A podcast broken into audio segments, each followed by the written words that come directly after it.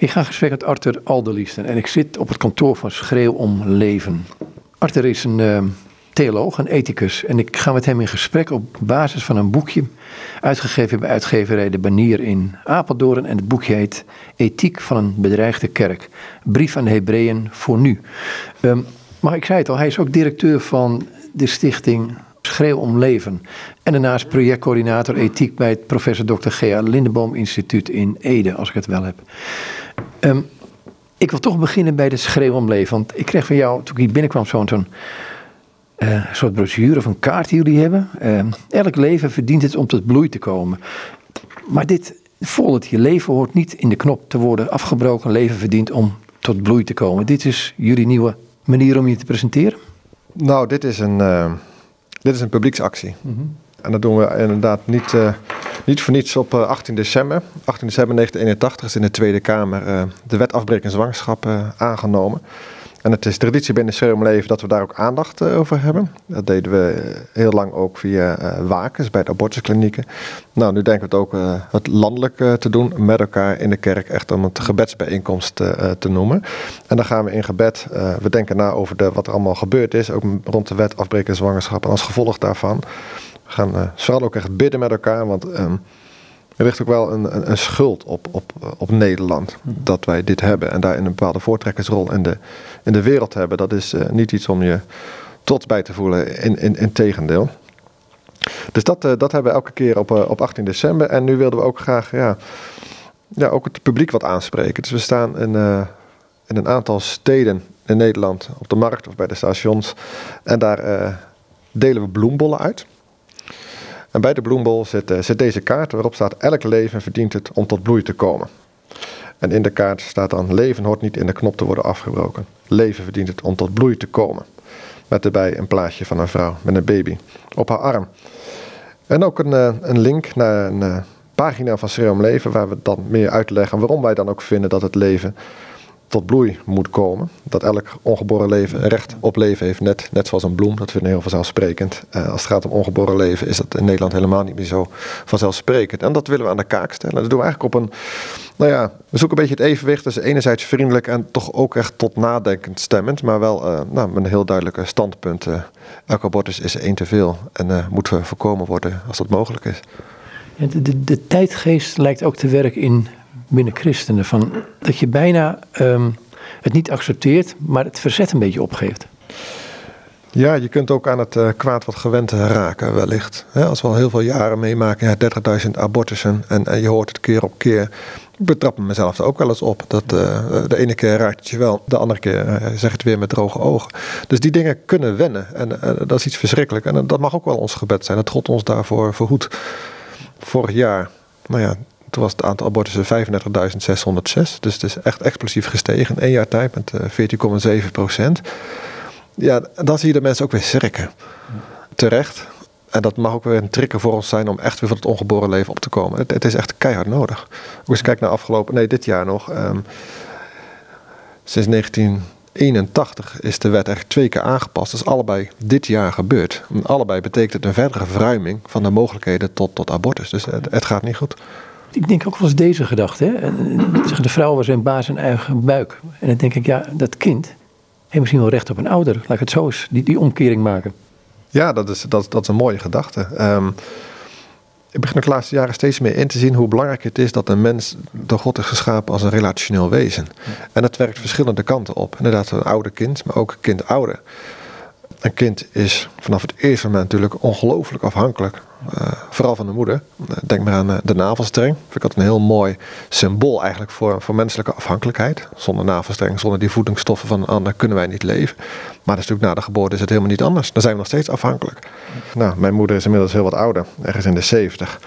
Ja, die wordt ook op een bepaalde manier ook weer meer afhankelijk dan pakweg 10, 20 jaar geleden. Maar volgens mij is dat ook niet erg. Ik heb nog makkelijk praten. Ik ben natuurlijk heel mobiel. Maar toch, um, dat de mens afhankelijk is van een ander, dat is een gegeven van de schepping. He, want Eva is en Adam uh, gegeven, ze waren op dat moment afhankelijk van elkaar. Dat vind ik een hele, hele rijke gedachte, want je bent geneigd om afhankelijkheid te zien als iets wat een gevolg is van de zondeval. Maar dat is het dus niet. Het is dus goed om afhankelijk te zijn. Er is niks mis mee. En ik denk dat we dat, we dat met elkaar wel eens meer mogen beseffen. Dat geldt rond vraagstukken rond het levenseinde. Hè? Hoe gaan we met elkaar om?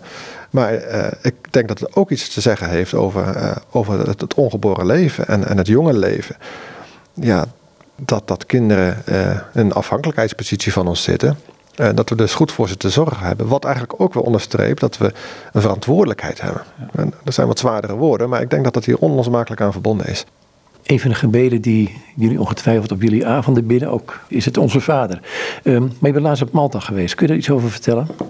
Want daar kom je mensen uit Oost-Europa tegen, op Malta ben je tegengekomen. En die zeggen, die confronteren jou op eigenlijk op een, uh, voor mij toen je het vertellen, in een chockerende manier.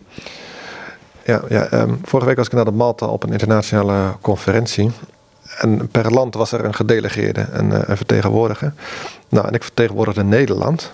Um, maar je merkt toch dat in de wereld wel iets gevonden wordt van Nederland. Want we hebben een bepaalde voortrekkersrol als het gaat om, om abortus. Hè. Het, is een, het is een exportproduct uh, van Nederland. De laatste tijd zie je ook steeds meer vanuit de Europese Unie. Maar dat maakt dat, nou ja, laten we het redelijk dicht bij huis houden. De mensen uit Oost-Europa, uh, dat die hun aarzelingen hebben om dan met het kille, koude West-Europa samen te werken. Dat is, dat is en, en is jouw glimlach niet genoeg op zo'n moment? Toen ik dat hoorde, heb ik gehuild. Ja. Nee, ik moest uh, beslist niet lachen. Nee, nee, nee, omdat ik begrijp dat ze, dat ze gelijk hebben. Ja. En dat, dat, maakt, dat maakt het uh, ernstig. Ik, ik, zal zeggen, en degene die dat uh, zei op de conferentie, dat was ook echt op het podium. Dr. David, die ken ik persoonlijk ook. Heb ik er best wel wat mee, mee gesproken. Maar na afloop van zijn lezing ben ik naar hem toegegaan. Ik zeg, David, mag je een grote knuffel geven. Dat hebben we gedaan. We hebben elkaar een tijd lang vastgehouden. We hebben samen gehuild. En dan voel je dat er ook iets anders gebeurt. Dan voel je dat Waar ik toen last van had, dat ik echt een schuld op mijn schouders voelde, voelde drukken. Um, dat het ook wat, wat, wat werd weggenomen. Uh, dat de relatie die wij uh, hebben op dat moment ook, dat het voor veel breder staat. Dat is zoiets van, hey, we, staan er samen voor. We staan samen voor, voor, voor dezelfde zaak. Uh, jij in Oost-Europa, ik in West-Europa. Ja, dat, dat, dat was een heel bijzonder moment. Um, en het was echt niet het enige moment. Het was ook een moment van een conferentie van eenheid. Op een gegeven moment 155 nationaliteiten. We hebben elkaar in een grote cirkel gestaan. Alle handen tegen elkaar. Links stond uh, Koyoma, een, uh, een man uit Japan. Rechts stond een vrouw uit Rusland. Zo vormen we met elkaar een, een eenheid. juist ook op het onderwerp van evangelie en abortus. Ja, en dat is heel bemoedigend. Um, dit sluit misschien wel heel goed aan bij het boekje waar we dit in deze uitzending over zouden hebben. De ethiek van een bedreigde kerk. Um, brief van de Hebreeën van nu. We zijn een bedreigde kerk, maar daar mag je zo wat over vertellen. Maar die ethiek, dat woordje ethiek allereerst. Uh, wat bedoel je ermee? Uh, ethiek gaat eigenlijk over de vraag naar het goede. Dus je kunt de Hebreeënbrief lezen en dan uh, proberen eruit te halen. Wat zegt dit over goed doen voor ons? Uh, eigenlijk gaat ethiek nog een stapje verder. En dat wil ook zeggen van hoe denken we daar nu over na? Mm-hmm. Dus wat reikt de Hebreeënbrief na over hoe we kunnen nadenken over wat goed doen is? Ik heb in het boekje eigenlijk wel beide elementen gedaan, anders zou het echt wat theoretisch worden. Dus zowel gekeken wat zegt het echt over goed doen, als wat reikt het ons aan om daar goed over na te kunnen denken. Maar waarom in de Hebreeënbrief? Ja, ik, ik ben ooit een keer uh, niet, niet bewust uitgedaagd, maar ik heb me uitgedaagd gevoeld. En ik kan het me niet meer goed terughalen, dat vind ik wel jammer. Maar ik, uh, heb ergens gelezen, of iemand heeft het gezegd, dat de uh, Hebreeënbrief niet heel veel te vertellen heeft als het gaat over, over christelijke ethiek. En toen dacht ik, dat kan niet waar zijn. En ik heb de, de gewoonte om, als ik op vakantie ben, een, een Bijbelboek uh, uh, grondig te, te bestuderen. Met een aantal verklaringen en boeken erbij.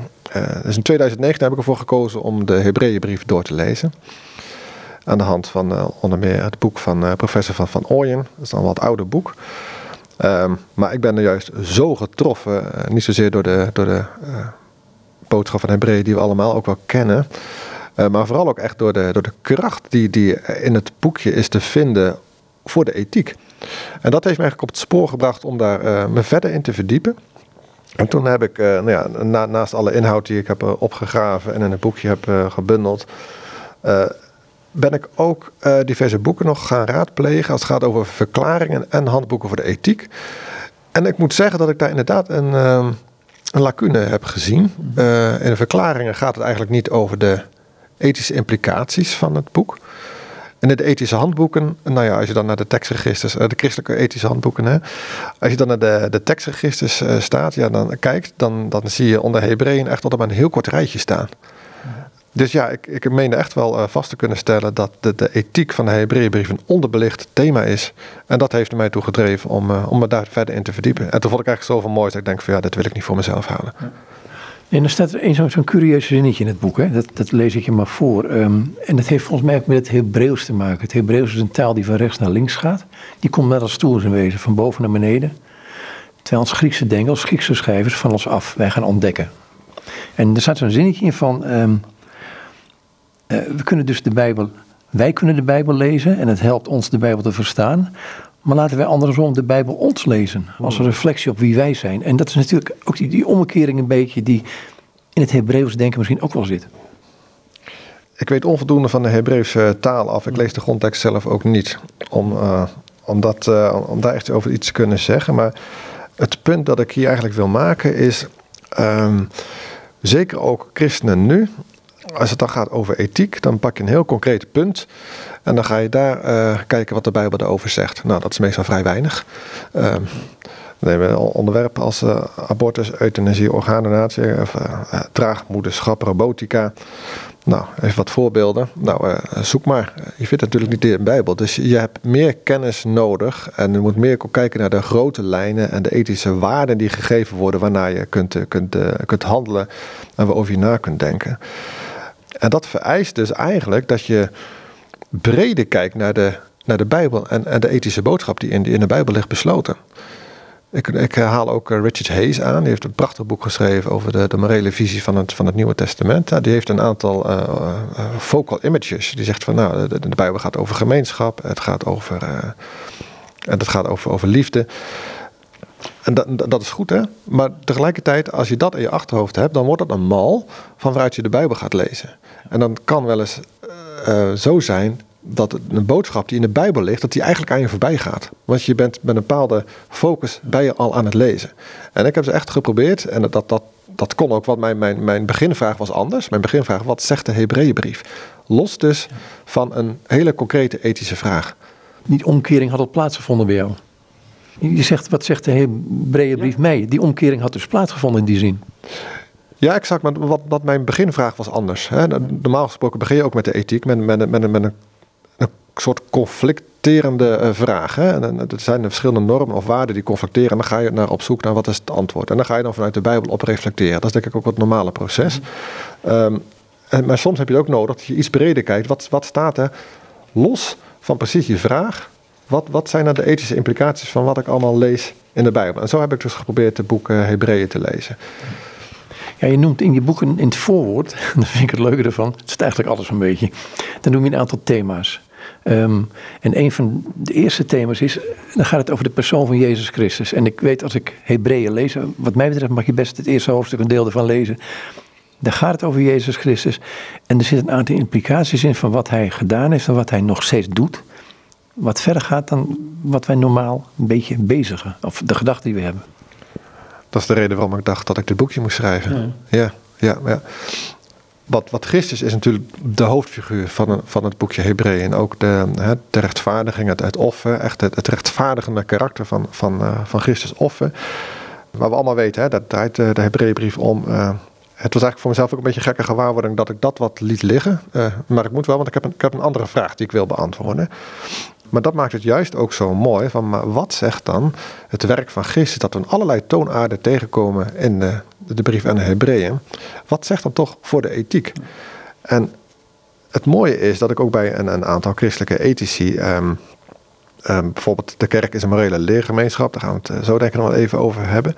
Dat ziet bijvoorbeeld Stanley Hauer was. Um, is een uh, christelijke ethicus uit Texas. Die heeft daar hele dikke boeken over geschreven. Ontzettend zinvol. En ik denk ook dat we daar heel veel aan hebben, dat het echt nu ook nodig is. Maar ik vind bij hem niet zo heel veel onderbouwing vanuit de Bijbel. En ik vond het nou zo mooi om dat in de Hebreeënbrief tegen te komen. Je bent niet naar op zoek en, dan, daar lees je juist uh, dat we worden opgeroepen om een morele leergemeenschap te zijn.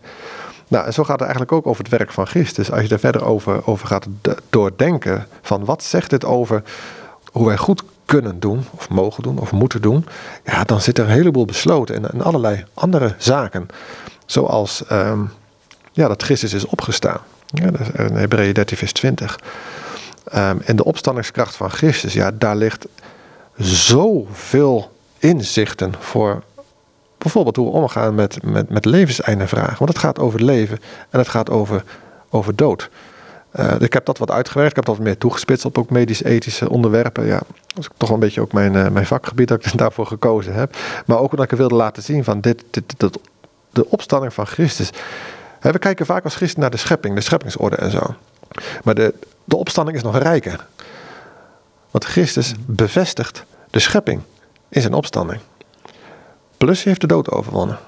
Het is, het is finaal gebeurd allemaal. Hè? Heeft, heeft de, het graf achter zich gelaten. Zoiets als uh, lichamelijk bestaan. Ik, ik, weet even niet meer zo goed of ik dat geschreven heb hoor. Maar dat, dat, er, uh, dat we daarmee ook gewoon een recht hebben op een lichamelijk bestaan. Dat God ook het lichaam wil. Dat, dat is een mooi inzicht. Gewoon zoals we zijn, zoals God ons geschapen heeft, is, is het goed. En hoe is Christus opgestaan met zijn verheerlijkte lichaam, maar ook hè, dat zijn wonden nog zichtbaar waren. Wij lijden op aarde, er is gebrokenheid. En dat, dat mag dus blijkbaar ook een plek hebben. Dat vind ik ook, ook een diepe gedachte. Johannes 20 zien we dat natuurlijk ook terug. Dus als ja, de vraag naar lijden, hè, dat, dat komt ook, ook in Hebreeën naar voren. Dat is ook, ook, ook een heel, heel actueel punt. Nou, actueel, ik denk dat het altijd uh, actueel is geweest. Maar uh, in onze tijd van, van technische vooruitgang is het denk ik opnieuw weer de vraag van... Ja, welke plaats heeft lijden nou eigenlijk in ons leven? En daarin kunnen we ook leren van de Heer Jezus. Want wat staat er ergens in Hebreeën? Dat Christus gehoorzaamheid geleerd heeft vanwege het lijden. En dat heeft ook ons iets te zeggen als volgelingen van Christus. Dan moeten wij niet denken dat wij uh, niet zullen lijden. Het, het, het hoort erbij. En wij kunnen dus leren dat het gehoorzaamheid brengt. Dat heeft Christus zelf dus laten zien. Nou, en, uh, dat vraagt echt om ook even wat, wat, wat meer doordenking. Hè? Dat je zegt van, zo kun je dus naar leren, uh, of naar, naar lijden kijken. En, en de Grieken hebben het ook al begrepen, want in de etymologie van, van lijden en, en leren, daar, daar zit al een verwantschap. Wij, wij, kunnen leren van, van lijden. Als je zo naar, naar lijden kijkt, nou, dan, dan, dan wordt het allemaal nog niet makkelijk. Hè? Dat hoor je mij beslist niet zeggen. Maar het kan wel een perspectief geven. Het geeft ook een perspectief op God. Dat ook. Maar misschien nog ook iets dichter nog bij huis. Ja, het, het geeft, een, het geeft een, een betekenis aan het lijden. Victor Frankl, die zegt het ook. Hè? Ik, uh, het bestaan heeft betekenis. En daardoor het lijden ook. Hele, hele, hele helpende gedachte, denk ik. Terwijl je daarmee niet het lijden aan zich zin geeft. Nee, nee dat, is, uh, dat, zou, dat zou heel moeilijk zijn om, om, om dat inderdaad zo te zeggen.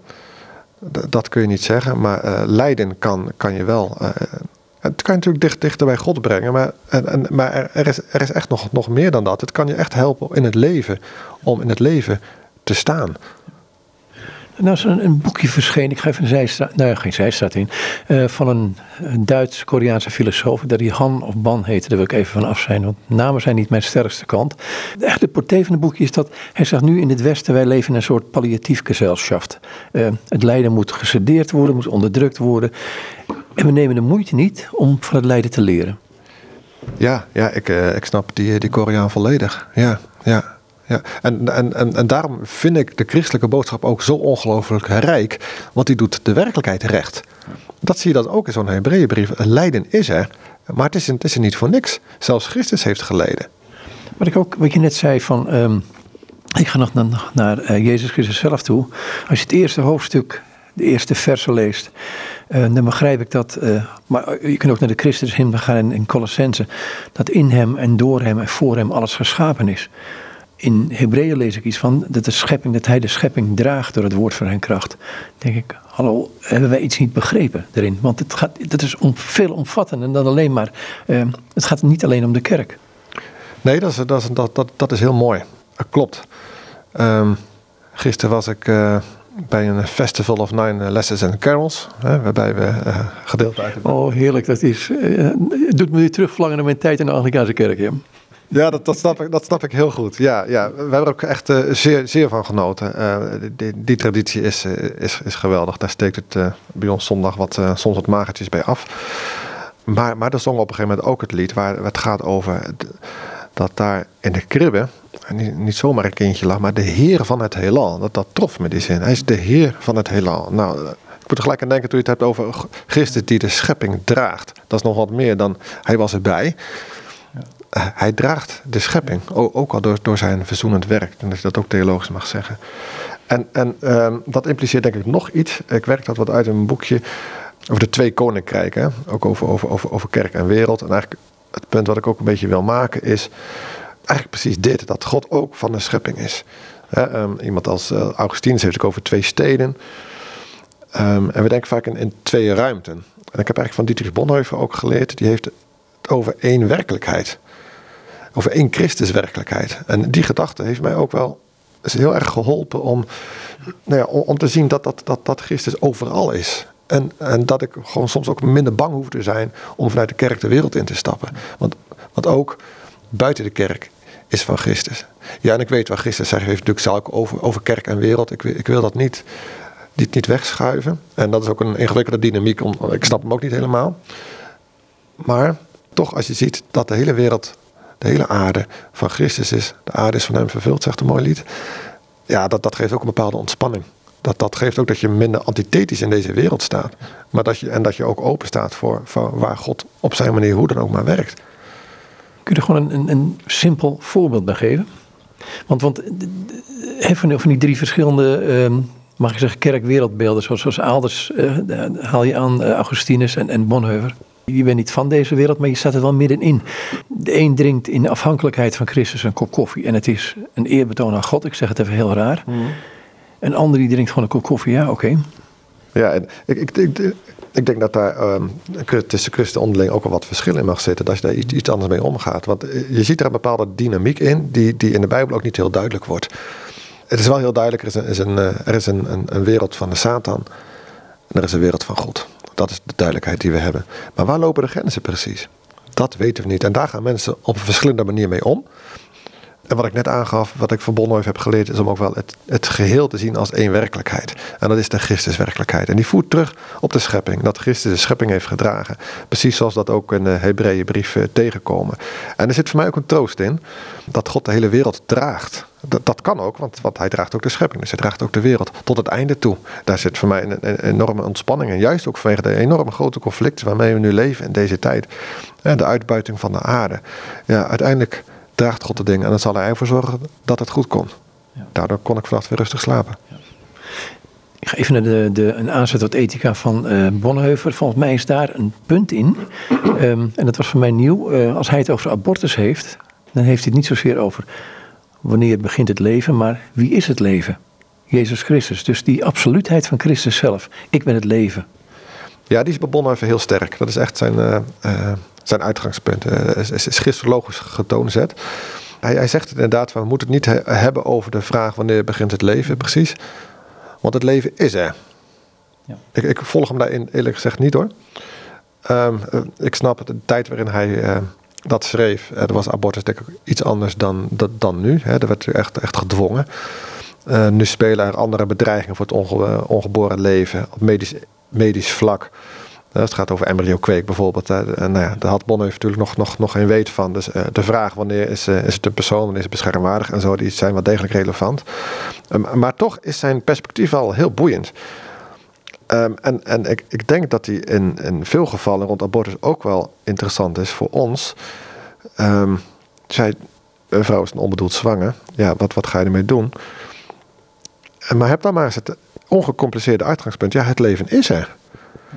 Dus hoe kunnen we daar nu voor zorgen dat het goed gaat komen? Dat, dat, dat vind ik een hele mooie, uh, heel, heel principieel uitgangspunt, die ik, eh, die, ik de moeite waard vind. En, maar hij voert het inderdaad ook heel sterk terug, terug op Christus zelf. Dan de kerk. Um, zegt het is een morele gemeenschap. Je kunt, daar kun je, het is een soort uh, karakterkweekplaats, om het zo te zeggen. Zou het moeten zijn? Niet altijd, want als je in een kerk zit, en dat, hoort, dat verwijt heb ik wel eens gehoord van mensen die zeggen, ja, als ik in een Nederlandse kerk kom, dan kom je of in een, in een boeket roos of een boeket tulp of een boeket, maar nooit het gemengde. In die zin, Ehm, als je in de internationale kerk bent geweest, dan snap je misschien wat beter ik bedoel. Een, de een staat met zijn handen omhoog, de andere niet. En het zal nu wat vrijer zijn. Maar dus dat, dat, dat, dat aspect. Ehm, dan lijkt de kerk wel een soort, wat Augustinus zegt, een soort perskuip. Die uitspraak van Augustinus uh, ken, ik, ken ik niet.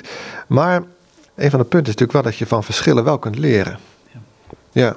ja. Voor mij komt dat niet, niet zozeer uit mijn, uit mijn boekje uh, naar voren. Um, maar het gaat er wel om dat je van elkaar kunt leren. Dat, dat is wel een heel belangrijk punt. Wat, wat, um, ja, het is interessant hoor, een, een boeket rozen of, uh, of wat, wat, meer diversiteit. Uh, dat, dat, dat is zeker waar. Wat je in de Hebreeënbrief natuurlijk ook, ook uh, heel sterk leest, is dat je als kerk onderweg bent. In, in iets andere benadering, maar ehm, wat mij opvalt is dat je dus niet individueel op reis bent, maar als kerk. Dat is eigenlijk een accent dat de Hebreeënbrief uh, legt. En als je, als je dat ziet, dan, dan zie je hem steeds terugkomen. En dat heeft allerlei, allerlei consequenties. Het eerste wat mij overigens opviel, is dat de kerk, een, of, of de, in ieder geval de ontvangers van een brief, die kregen een compliment. En zo werkt een goede ontwikkeling natuurlijk ook vaak. Wij groeien doordat we complimenten krijgen. Vooral complimenten niet zozeer op ons resultaat, maar op ons, eh, op ons doen, op ons handelen. Uh, dan weet je, oh, dit is goed, dus dan moet ik het vaker laten zien. En zo geeft dus de schrijver ook een, uh, ook een compliment. Dat vond ik eigenlijk heel verrassend. Ik dacht van, heb ik eigenlijk ooit wel eens in de kerk een compliment gehoord vanaf de preekstoel? Ik kon dat niet zo snel herinneren. Nou ja, ik, was laatst bij iemand die zei van ja, ik hoor zelden als een dominee begint van, uh, hè, zoals Paulus zijn brieven begint, aan de heiligen, hier ter plekke, in Christus. Uh, ja, voor het woordje heilige schrikken we toch terug. En toch is dat een wezenlijk element. Ook wat jij in de Hebreeënbrief vindt. Ja, ja, ja beslist. beslist. En, en wat je ook ziet is dat uh, heel sterk toe opgeroepen wordt dat niemand achterblijft in de genade. Mm -hmm. Dus je bent met elkaar op reis en je zorgt ervoor dat niemand achterblijft. Je hebt zorg te dragen voor elkaar. En dat is natuurlijk een vrij bekende uh, tekst uit Hebreeën, dat je elkaar moet, moet aansporen tot liefde en tot goede werken. En ik denk dat dat een van de kernteksten is als het gaat om, om, om, om ook um, de ethische boodschap van de Hebreeënbrief. Uh, en wat mij verraste, uh, is dat dat aansporen, um, dat daar het Griekse woord eigenlijk um, provoceren betekent. Provoceren, dat, dat heeft voor mij eigenlijk een, negatieve klank. Ik hou niet van provoceren. Dus ik moest er echt even op kouwen. Maar dat, dat heeft iets heel moois. Dus het, heeft niet zomaar het idee van, nou, je, moedigt iemand aan tot, uh, tot liefde, tot, tot goede werken. Of je beveelt dat aan, joh, zou je niet eens? Nou ja, provoceren, dat dat. Nou, ook weer niet, niet onder druk zetten, maar wel echt. Ja, ik, ik zie het meer als, als uitlokken, uitdagen. Ja.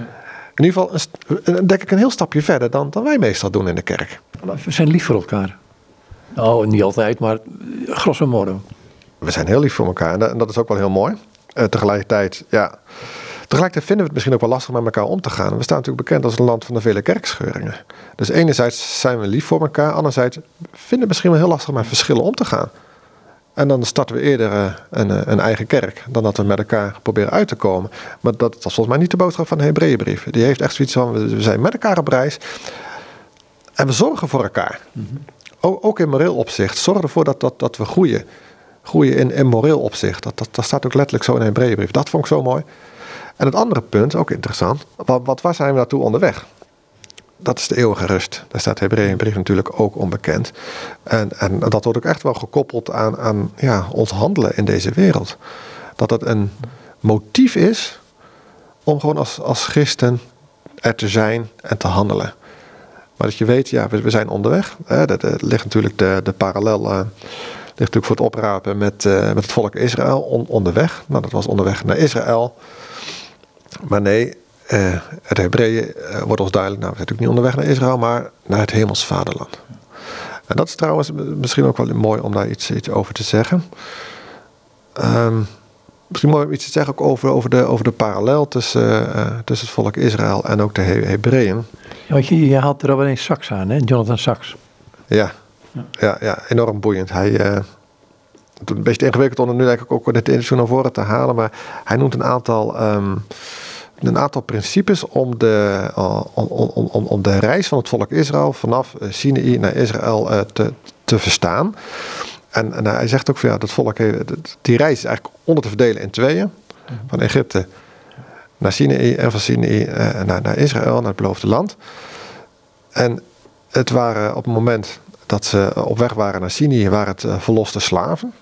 Maar op Sinai zijn ze eigenlijk tot een natie gevormd. En toen onderweg naar het beloofde land. Nou, daar ligt natuurlijk de, de parallel uh, ligt, ligt, dan heel duidelijk ook met de Hebreeënbrief. In, in Christus zijn we het volk van God. Oh ja, mooie term Het huis van God. Zo, zo, zo, worden christenen genoemd in deze brief. Het, het huis van God. Nou, de, nou, de, familiair. familiair de, de plek waar hij woont. Ook, ook. Maar er zit, dit ook iets in van, van de gemeenschap met elkaar. En met elkaar zijn we onderweg naar het hemelse vaderland.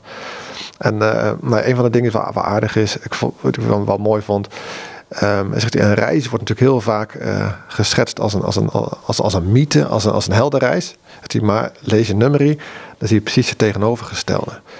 Daar zie je um, het is eigenlijk een, een, een, een, een anti-held, Mozes. Uh, in de mythe gaat het vaak over één, één figuur, één persoon. Zegt hij in nummerie, of in het volk Israël, gaat het over een volk.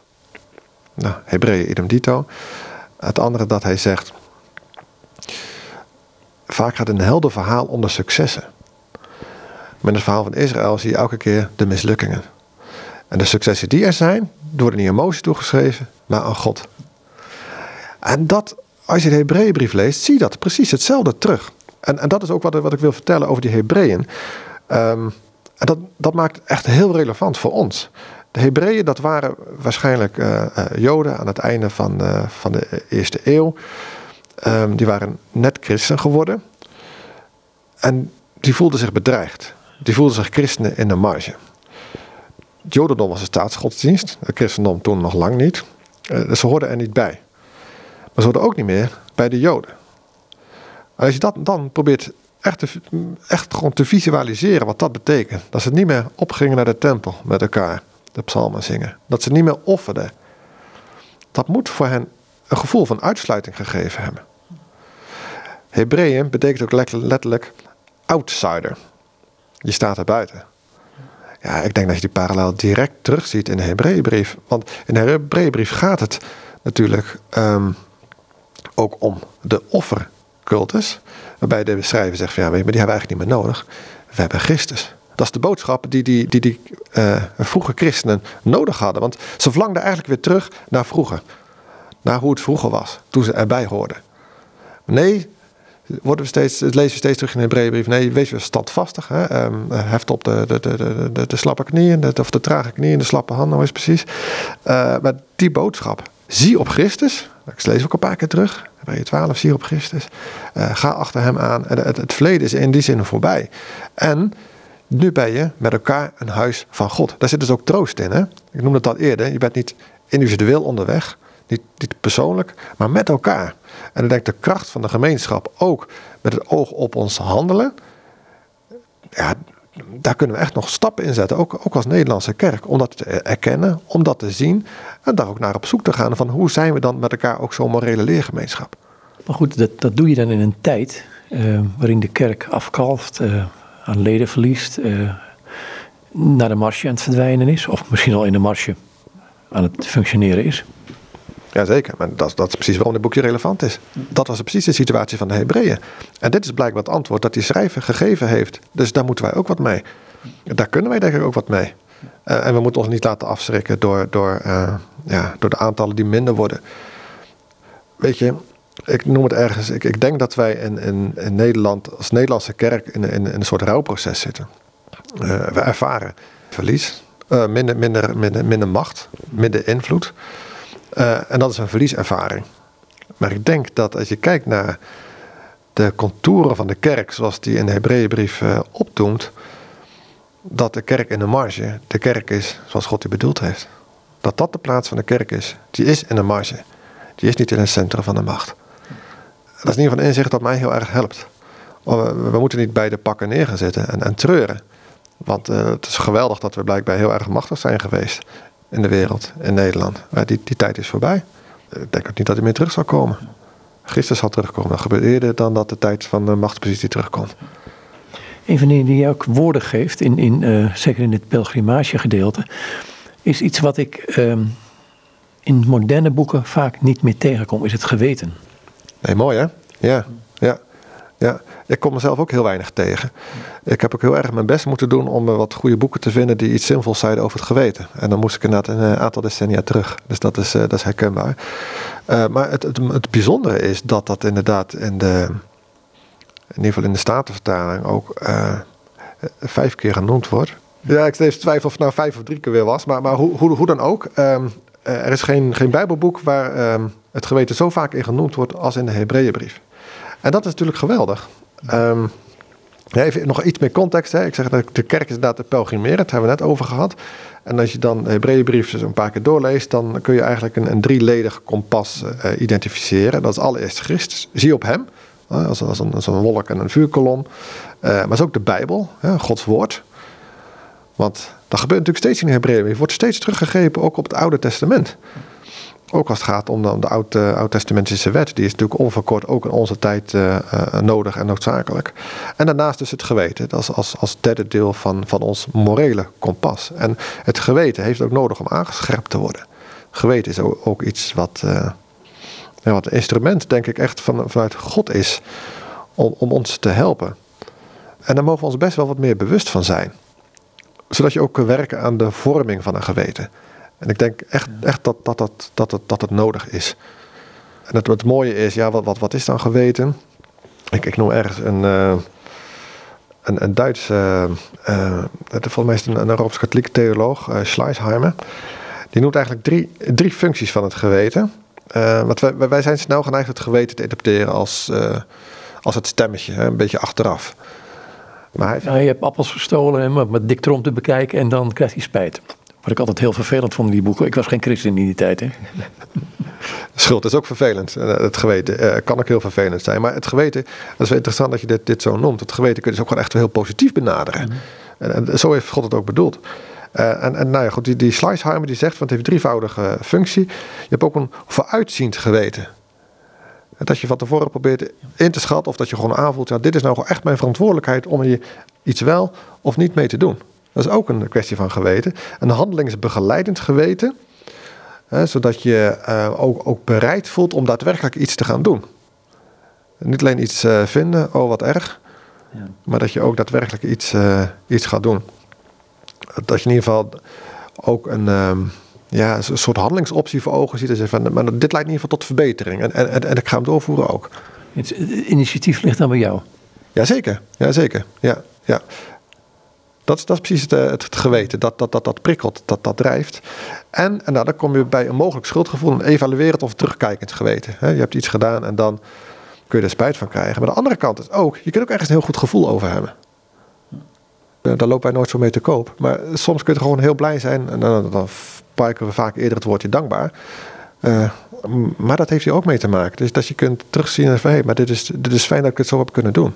Dit is goed dit is goed, echt. Dat, dat, mogen we ook wel eens zeggen. En het mooie is, nou, hè, over complimenteren gesproken in de gemeente, dan kun je elkaar bijvoorbeeld op over complimenteren. En zo scherp je dan ook met elkaar je geweten. Oh, dus dit, dit is blijkbaar goed. Ja, dit is zoals God het van ons vraagt.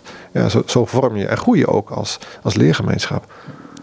Ik heb soms behoefte aan mensen die mij vertellen hoe je intiemer in die relatie met Christus komt, om het een beetje gek te zeggen. En ik ga een beetje af op een uitspraak die je in het boek ook doet. Zeg ja, dat ga je heel anders. Dat kun je interpreteren van, je moet anders zijn. Nee, goed, dat is, dat is misschien wel een dooddoener op dit moment. Maar je kunt ook zeggen, nee, je bent verbonden met Christus in die relatie. En daarom ben je anders, überhaupt al.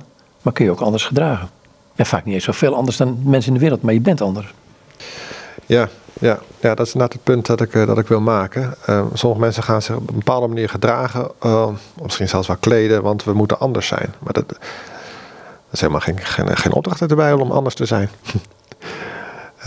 het is wel de opdracht om Christus te gehoorzamen, om Hem te geloven. En als je natuurlijk op Hem oriënteert, ja, we hebben het natuurlijk over de navolging van Christus, dan, dan ga je natuurlijk wel op een bepaalde manier gedragen. Ja, en die zal anders zijn dan de wereld. En, en op sommige punten misschien niet eens heel veel anders dan de wereld. Maar toch is het anders, want je oriëntatie is, is op Christus gericht. En daar gaat het om. Een van de dingen die, die mij, en we hebben het begin van het gesprek over gehad, is, is het feit dat Christus toch ook um, ten opzichte van de schepping een bepaalde rol heeft, maar ook hoge priester is. hij is de hemelen doorgegaan met zijn eigen bloed. Ehm, dus die weg die ligt open. Ehm, ik vind een prachtig beeld in Matthäus, waar het voorhangsel van boven naar beneden scheurt en de weg open ligt. En dan denk ik, heel ondeugend soms van, waarom hebben wij dus zo'n barrière weer voorgelegd van, um, terwijl die weg zo heel open is.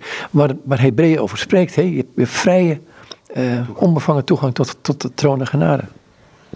Ja, dat is, dat is, dat is heel troostend. Ja. Um, ja, en ik moet het in mijn hoofd leggen toch gelijk ook weer de verbinding met het lijden. Ja. wat de, Christus heeft ook geleden. En hij weet van, van onze situatie af. En daarom kunnen naar hem toe met, met al onze, onze problemen.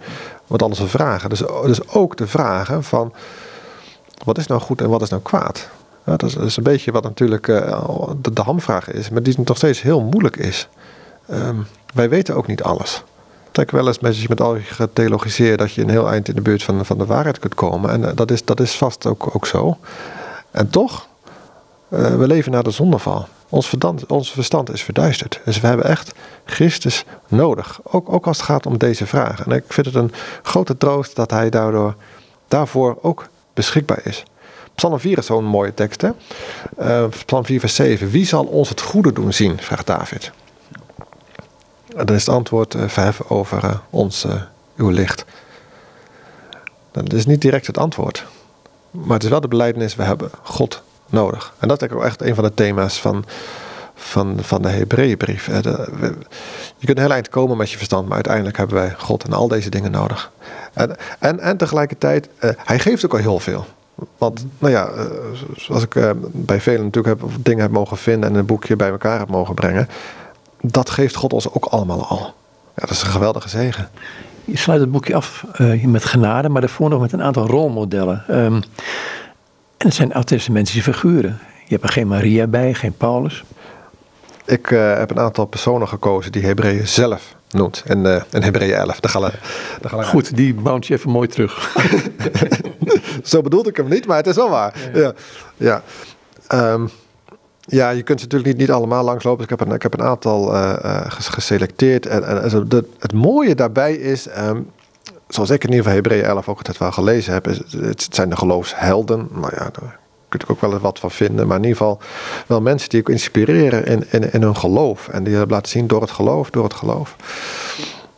Maar ze zijn evenzeer een voorbeeld voor ethisch handelen. En, en dat heb ik wat uh, naar voren geprobeerd te brengen. Hoe ze dat uh, nou ja, de, de, mensen die ik noem op een, op een hele verschillende manier eigenlijk hebben gedaan. Maar er is wel één rode draad. En dat is, vind, vind ik toch wel heel bijzonder. Um, want ergens in Hebreeën lezen we natuurlijk ook dat Jezus naar buiten de lege plaats moest. Net zoals vroeger dat dier uh, de woestijn ingezonden werd in eenzaamheid. Zo moest Christus ook naar buiten de stad. Daarom moest hij ook naar buiten Jeruzalem. Op een heuvel op Golgotha moest hij sterven. In, in eenzaamheid. In eenzaamheid. Ja. Ik heb ook iets heel moois gelezen bij uh, Jozef Ratzinger. Die zei, maar hij moest ook eigenlijk naar buiten toe. Want was er ook de open vlakte. Anders zou hij binnen de beslotenheid van een stad, van stad zijn gestorven. Maar nu, het bloed is over iedereen. Het is, het is, het is gedrukt op de, op de, op de grond van, van de wereld. Het heeft mijn eigen woorden, ik weet niet precies hoe hij het zei. Maar dat vond ik een ongelooflijk rijke gedachte. Heel mooi. Maar tegelijkertijd, ja, Christus hing daar wel, verstoten door de mensheid. Um, tijdelijk afgewezen door, door zijn vader. Wat, wat een eenzaamheid. Maar uiteindelijk, waar natuurlijk die, die, die Hebreeën ook last van hadden, is eigenlijk die eenzaamheid, die, de uitsluiting die ze, die, ze, die, ze, die ze ervaren. Maar, zegt eigenlijk de Hebreeënbrief, ja, dat ervaar je wel zo, maar dus, dat is de weg achter Christus aan. Dat ben ik echt, echt gaan zien, dat dat, dat het zo diep ligt. Nou, voorbeelden. Uh, Noach. Noach moest de oude wereld verlaten. Een totaal nieuwe wereld ingaan. Wel met zijn gezin. Maar hij liet natuurlijk heel veel achter. Abraham. Het schoolvoorbeeld. Wat moest hij achterlaten? Uh, wie noem ik nog meer? Mozes. Dat ben ik eigenlijk ook pas gaan zien door, door deze studie. Um, hij had het comfort uh, van een prins. Hij woonde in een paleis. Nou, daar, dromen toch de meeste mensen van. Maar hij moest het achter zich laten. Nou, zo, zo, zien we dus allemaal mensen. Jozef, het andere die, die ik noem. Nou, wat moest hij achter zich laten? Uh, goed, hij had niet veel keus, maar hij liet het wel achter zich. En uiteindelijk... Maar zijn gedrag was wel anders. Ja, in eerste instantie een beetje stuitend. Was uh, wat, wat arrogant. Maar ehm, ja, hij viel natuurlijk op door zijn handelen in de gevangenis en, en daarvoor al bij, uh, bij, bij Potifar in huis. Ja, hij was heel gehoorzaam, heel plichtsgetrouw. Ja, geweldig. En, en wat ik, wat ik uh, zo, zo mooi vind, uh, is, is dat hij um, natuurlijk gezegd heeft van... verzamel mijn beenderen, doe ze in een kist, maar begraaf ze niet. En dat heeft daar dus eeuwenlang heeft het daar gestaan voor de Israëlieten als, als bewijs van, van Jozefs hoop. En, en, en daar wordt ook naar verwezen in de Hebreeënbrief. Um, hij was een voorbeeld voor, voor, voor het geloof. Die Israëlieten konden het elke keer weer zien. En als ze die kist maar zagen, dan werd het weer duidelijk. Nee, uh, we hebben hier geen blijvende stad. Ooit worden we verlost en dan zullen we naar het beloofde land gaan. Dat is, ik terug naar een ander deel van, van het boek. Um, en dat is Hebreeën 2. Um, je noemt het in, in bepaalde contexten, dan gaat de vereenzelviging of die, die, die um, identificatie van Christus met zie hier in de kinderen die gij mij gegeven hebt. Dus het feit dat wij een gegeven zijn van de Vader aan Hem, wat ik ook een hele aparte gedachte vind. Hoe kan dat effect hebben op ons gedrag? Kunnen we zo de tekst even bijpakken? Ja, daar staat in Hebreeën 2, vers 13. Ik zal mijn vertrouwen op hem stellen en vervolgens zie ik en de kinderen die God mij gegeven heeft. Ja, dat, dat gaat in een uh, Hebreeën 2 over, over de eenheid in, uh, in Christus. Uh, daarvoor haalt hij ook de tekst aan dat Christus zich niet schaamt om, om hen broeders te noemen. zo dichtbij wil God komen. door, door, door, door een broeder te worden met elkaar kinderen. En hij, hij koppelt dat ook aan het hoge priesterschap. Vers, vers 17. Daarom moest hij in alles aan zijn broeders gelijk worden, opdat hij een barmhartig en een getrouw hoge priester zou zijn in de dingen die God betreffen, om de zonden van het volk te verzoenen. Want waarin hij zelf geleden heeft toen hij verzocht werd, kan hij hen die verzocht worden te hulp komen. Kijk, soms stopt het met je uh, ethiek beoefenen. Soms heb je geen antwoorden meer. Maar dan kun je naar Christus toe, want hij is ons in alles gelijk geworden. En hij snapt het. Hij kan je helpen. Dat, dat, is, dat is de boodschap die, die, die hier uit naar voren komt. Ja, wat mij dan ook treft, ook in het boek zeg je dat, dat hij ook naar de opstanding gezeten is de rechterhand van God en daarvoor ons pleit. En dat, dat op dit moment, dan denk ik, goeiedag. Ja, dat zijn hele diepe, diepe gedachten, wat heel moeilijk is om daar nog meer over te zeggen. Ja, ja, daar kun je eigenlijk niet bij. Maar we weten wel dat het op grond is van zijn werk en niet op dat van ons. Zou je gewoon het eerste hoofdstuk eens kunnen lezen, een aantal stukken eruit, van het begin van Hebreeën, want dan, dan geeft het een mooi beeld van Christus. En um, misschien kunnen we daarmee afsluiten. Ja, een aantal versen uit het, uit het eerste hoofdstuk. Nadat God voorheen vele malen en op vele wijzen tot de Vader had gesproken had door de profeten, heeft hij in deze laatste dagen tot ons gesproken door de Zoon, die hij erfgenaam gemaakt heeft van alles, door wie hij ook de wereld gemaakt heeft. Hij, die de afstraling van Gods heerlijkheid is en de afdruk van zijn zelfstandigheid, die alle dingen draagt door zijn krachtig woord, heeft, nadat hij de reiniging van onze zonden door zichzelf tot stand had gebracht, zich gezet aan de rechterhand van de majesteit in de hoogste hemelen. Hij is zoveel meer geworden dan de engelen als de naam die hij als erfdeel ontvangen heeft, voortreffelijker is dan die van hen. Want tegen wie van de engelen heeft God ooit gezegd: U bent mijn zoon, heden heb ik u verwekt? En verder, ik zal voor hem tot een vader zijn en hij zal voor mij tot een zoon zijn. En wanneer hij vervolgens de eerstgeborene in de wereld brengt, zegt hij, en laten alle engelen van God hem aanbidden. En van de engelen zegt hij weliswaar, die zijn engelen maakt tot geesten en zijn dienaren tot de vuurvlam. Maar tegen de zoon zegt hij, uw troon, o God, bestaat in alle eeuwigheid. De scepter van uw koninkrijk is de scepter van het recht. U hebt gerechtigheid lief en haat ongerechtigheid. Daarom heeft uw God u gezalfd, o God, met vreugdeolie boven uw metgezellen. Die laatste zin is ook wel mooi, hè? Nou, je het over ethiek. U hebt gerechtigheid lief en haat ongerechtigheid. Nou, dat is nog eens een principe. Die kun je elke dag weer toepassen. Ja, volg God daar maar in. Er zit trouwens nog, nog iets in, in vers 3.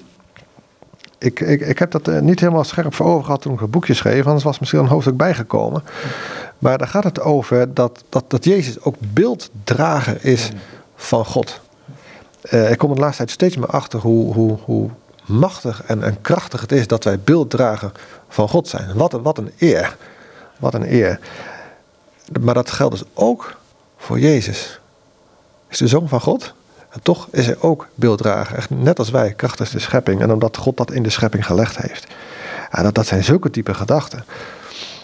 Er zit ook in dat Jezus, en dat vat misschien het geheel wel zo mooi samen, ehm, het perfecte plaatje is van de beelddrager van God. Willen wij weten hoe wij moeten handelen, dan moeten we op Christus zien. Dat is natuurlijk ook de boodschap van de. Zie, zie, zie, zie op Jezus. En dat is een van de redenen, is denk ik ook, dat hij beelddrager is. Wij waren dat ook, ook. We zijn gevallen. Dat is dat ernstig beschadigd geraakt. En wij, wij, wij nou ja, als gevolg van, van de zonneval zitten wij hier nu over deze dingen te praten. Anders was het niet nodig geweest. Maar we hebben die, die kompassen hebben wij nodig om te weten wat goed is. En een van die dingen is, ja, hij is de, de, de volmaakte beeld te dragen. En daarom kunnen we van zijn doen en laten heel veel leren. En dat is niet altijd makkelijk, hè? dat verdient echt wel een vertaalslag. We moeten we uitkijken het iets te makkelijk te zeggen. Uh, maar als oriëntatie is het, is het fundamenteel en bazaal. Ik heb ooit een keer een, een, een, reactie op een programma, iemand uit België zei dat. Die zei van ja, begon te geloven in God toen ik zag dat hij, dat God in Jezus een gezicht had gekregen. Beetje geparafraseerd. Waarop een agnost uit Nederland schreef van, ineens viel het muntje toen ik dat hoorde. Zeg, niet, zeg dan niet in eoterm dat ik tot bekering ben gekomen, weet je, zo ging het wel. Maar ik moest wel lachen daarom. Maar tegelijkertijd dacht ik, ja, dat is wel, dit is wel het gezicht van God, wat wij, het enige gezicht wat we hebben in wezen. Ja, absoluut. absoluut. Jezus openbaart ons de Vader. Dus dat is, dat is helemaal waar. En dat, dat, dat is de kern van de Bijbelse boodschap. Eindigt het boekje met een genade. En ook een, een genadezegen einde van um, de Hebreeënbrief. Um, dat stukje. Um, het is een heel kort hoofdstukje, maar wel gaat het naar uh, de essentie terug. Ja, ik noem het inderdaad ook, uh, ook epiloog, genade, zoals de proloog. Het eerste hoofdstuk noem ik echt een proloog. Waarmee je eigenlijk zegt van het gaat nog aan, aan wat er volgt, gaat dit eigenlijk nog vooraf. Ja. En, en, dus het eerste hoofdstuk gaat, gaat, gaat over Jezus. Om het, belangrijke gewicht daarvan uh, te onderschrijven. En daarom noem, ik dit ook epiloog, genade. Uh, genade is toch de sleutel om de Hebreeënbrief te verstaan. Dus je christelijke ethiek is, is, is ook geen, geen individuele ethiek.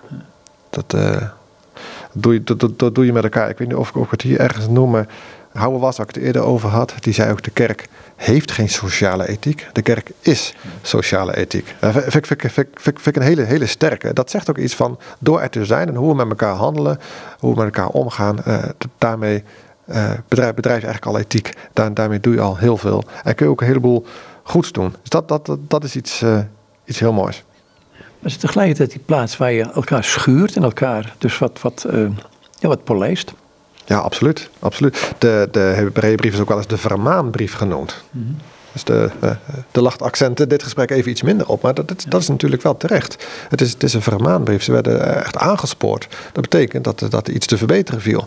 Dus uh, ja, we moeten elkaar ook zeker aanspreken binnen de kerk. Uh, elkaar aansporen tot liefde en tot, tot goede werken.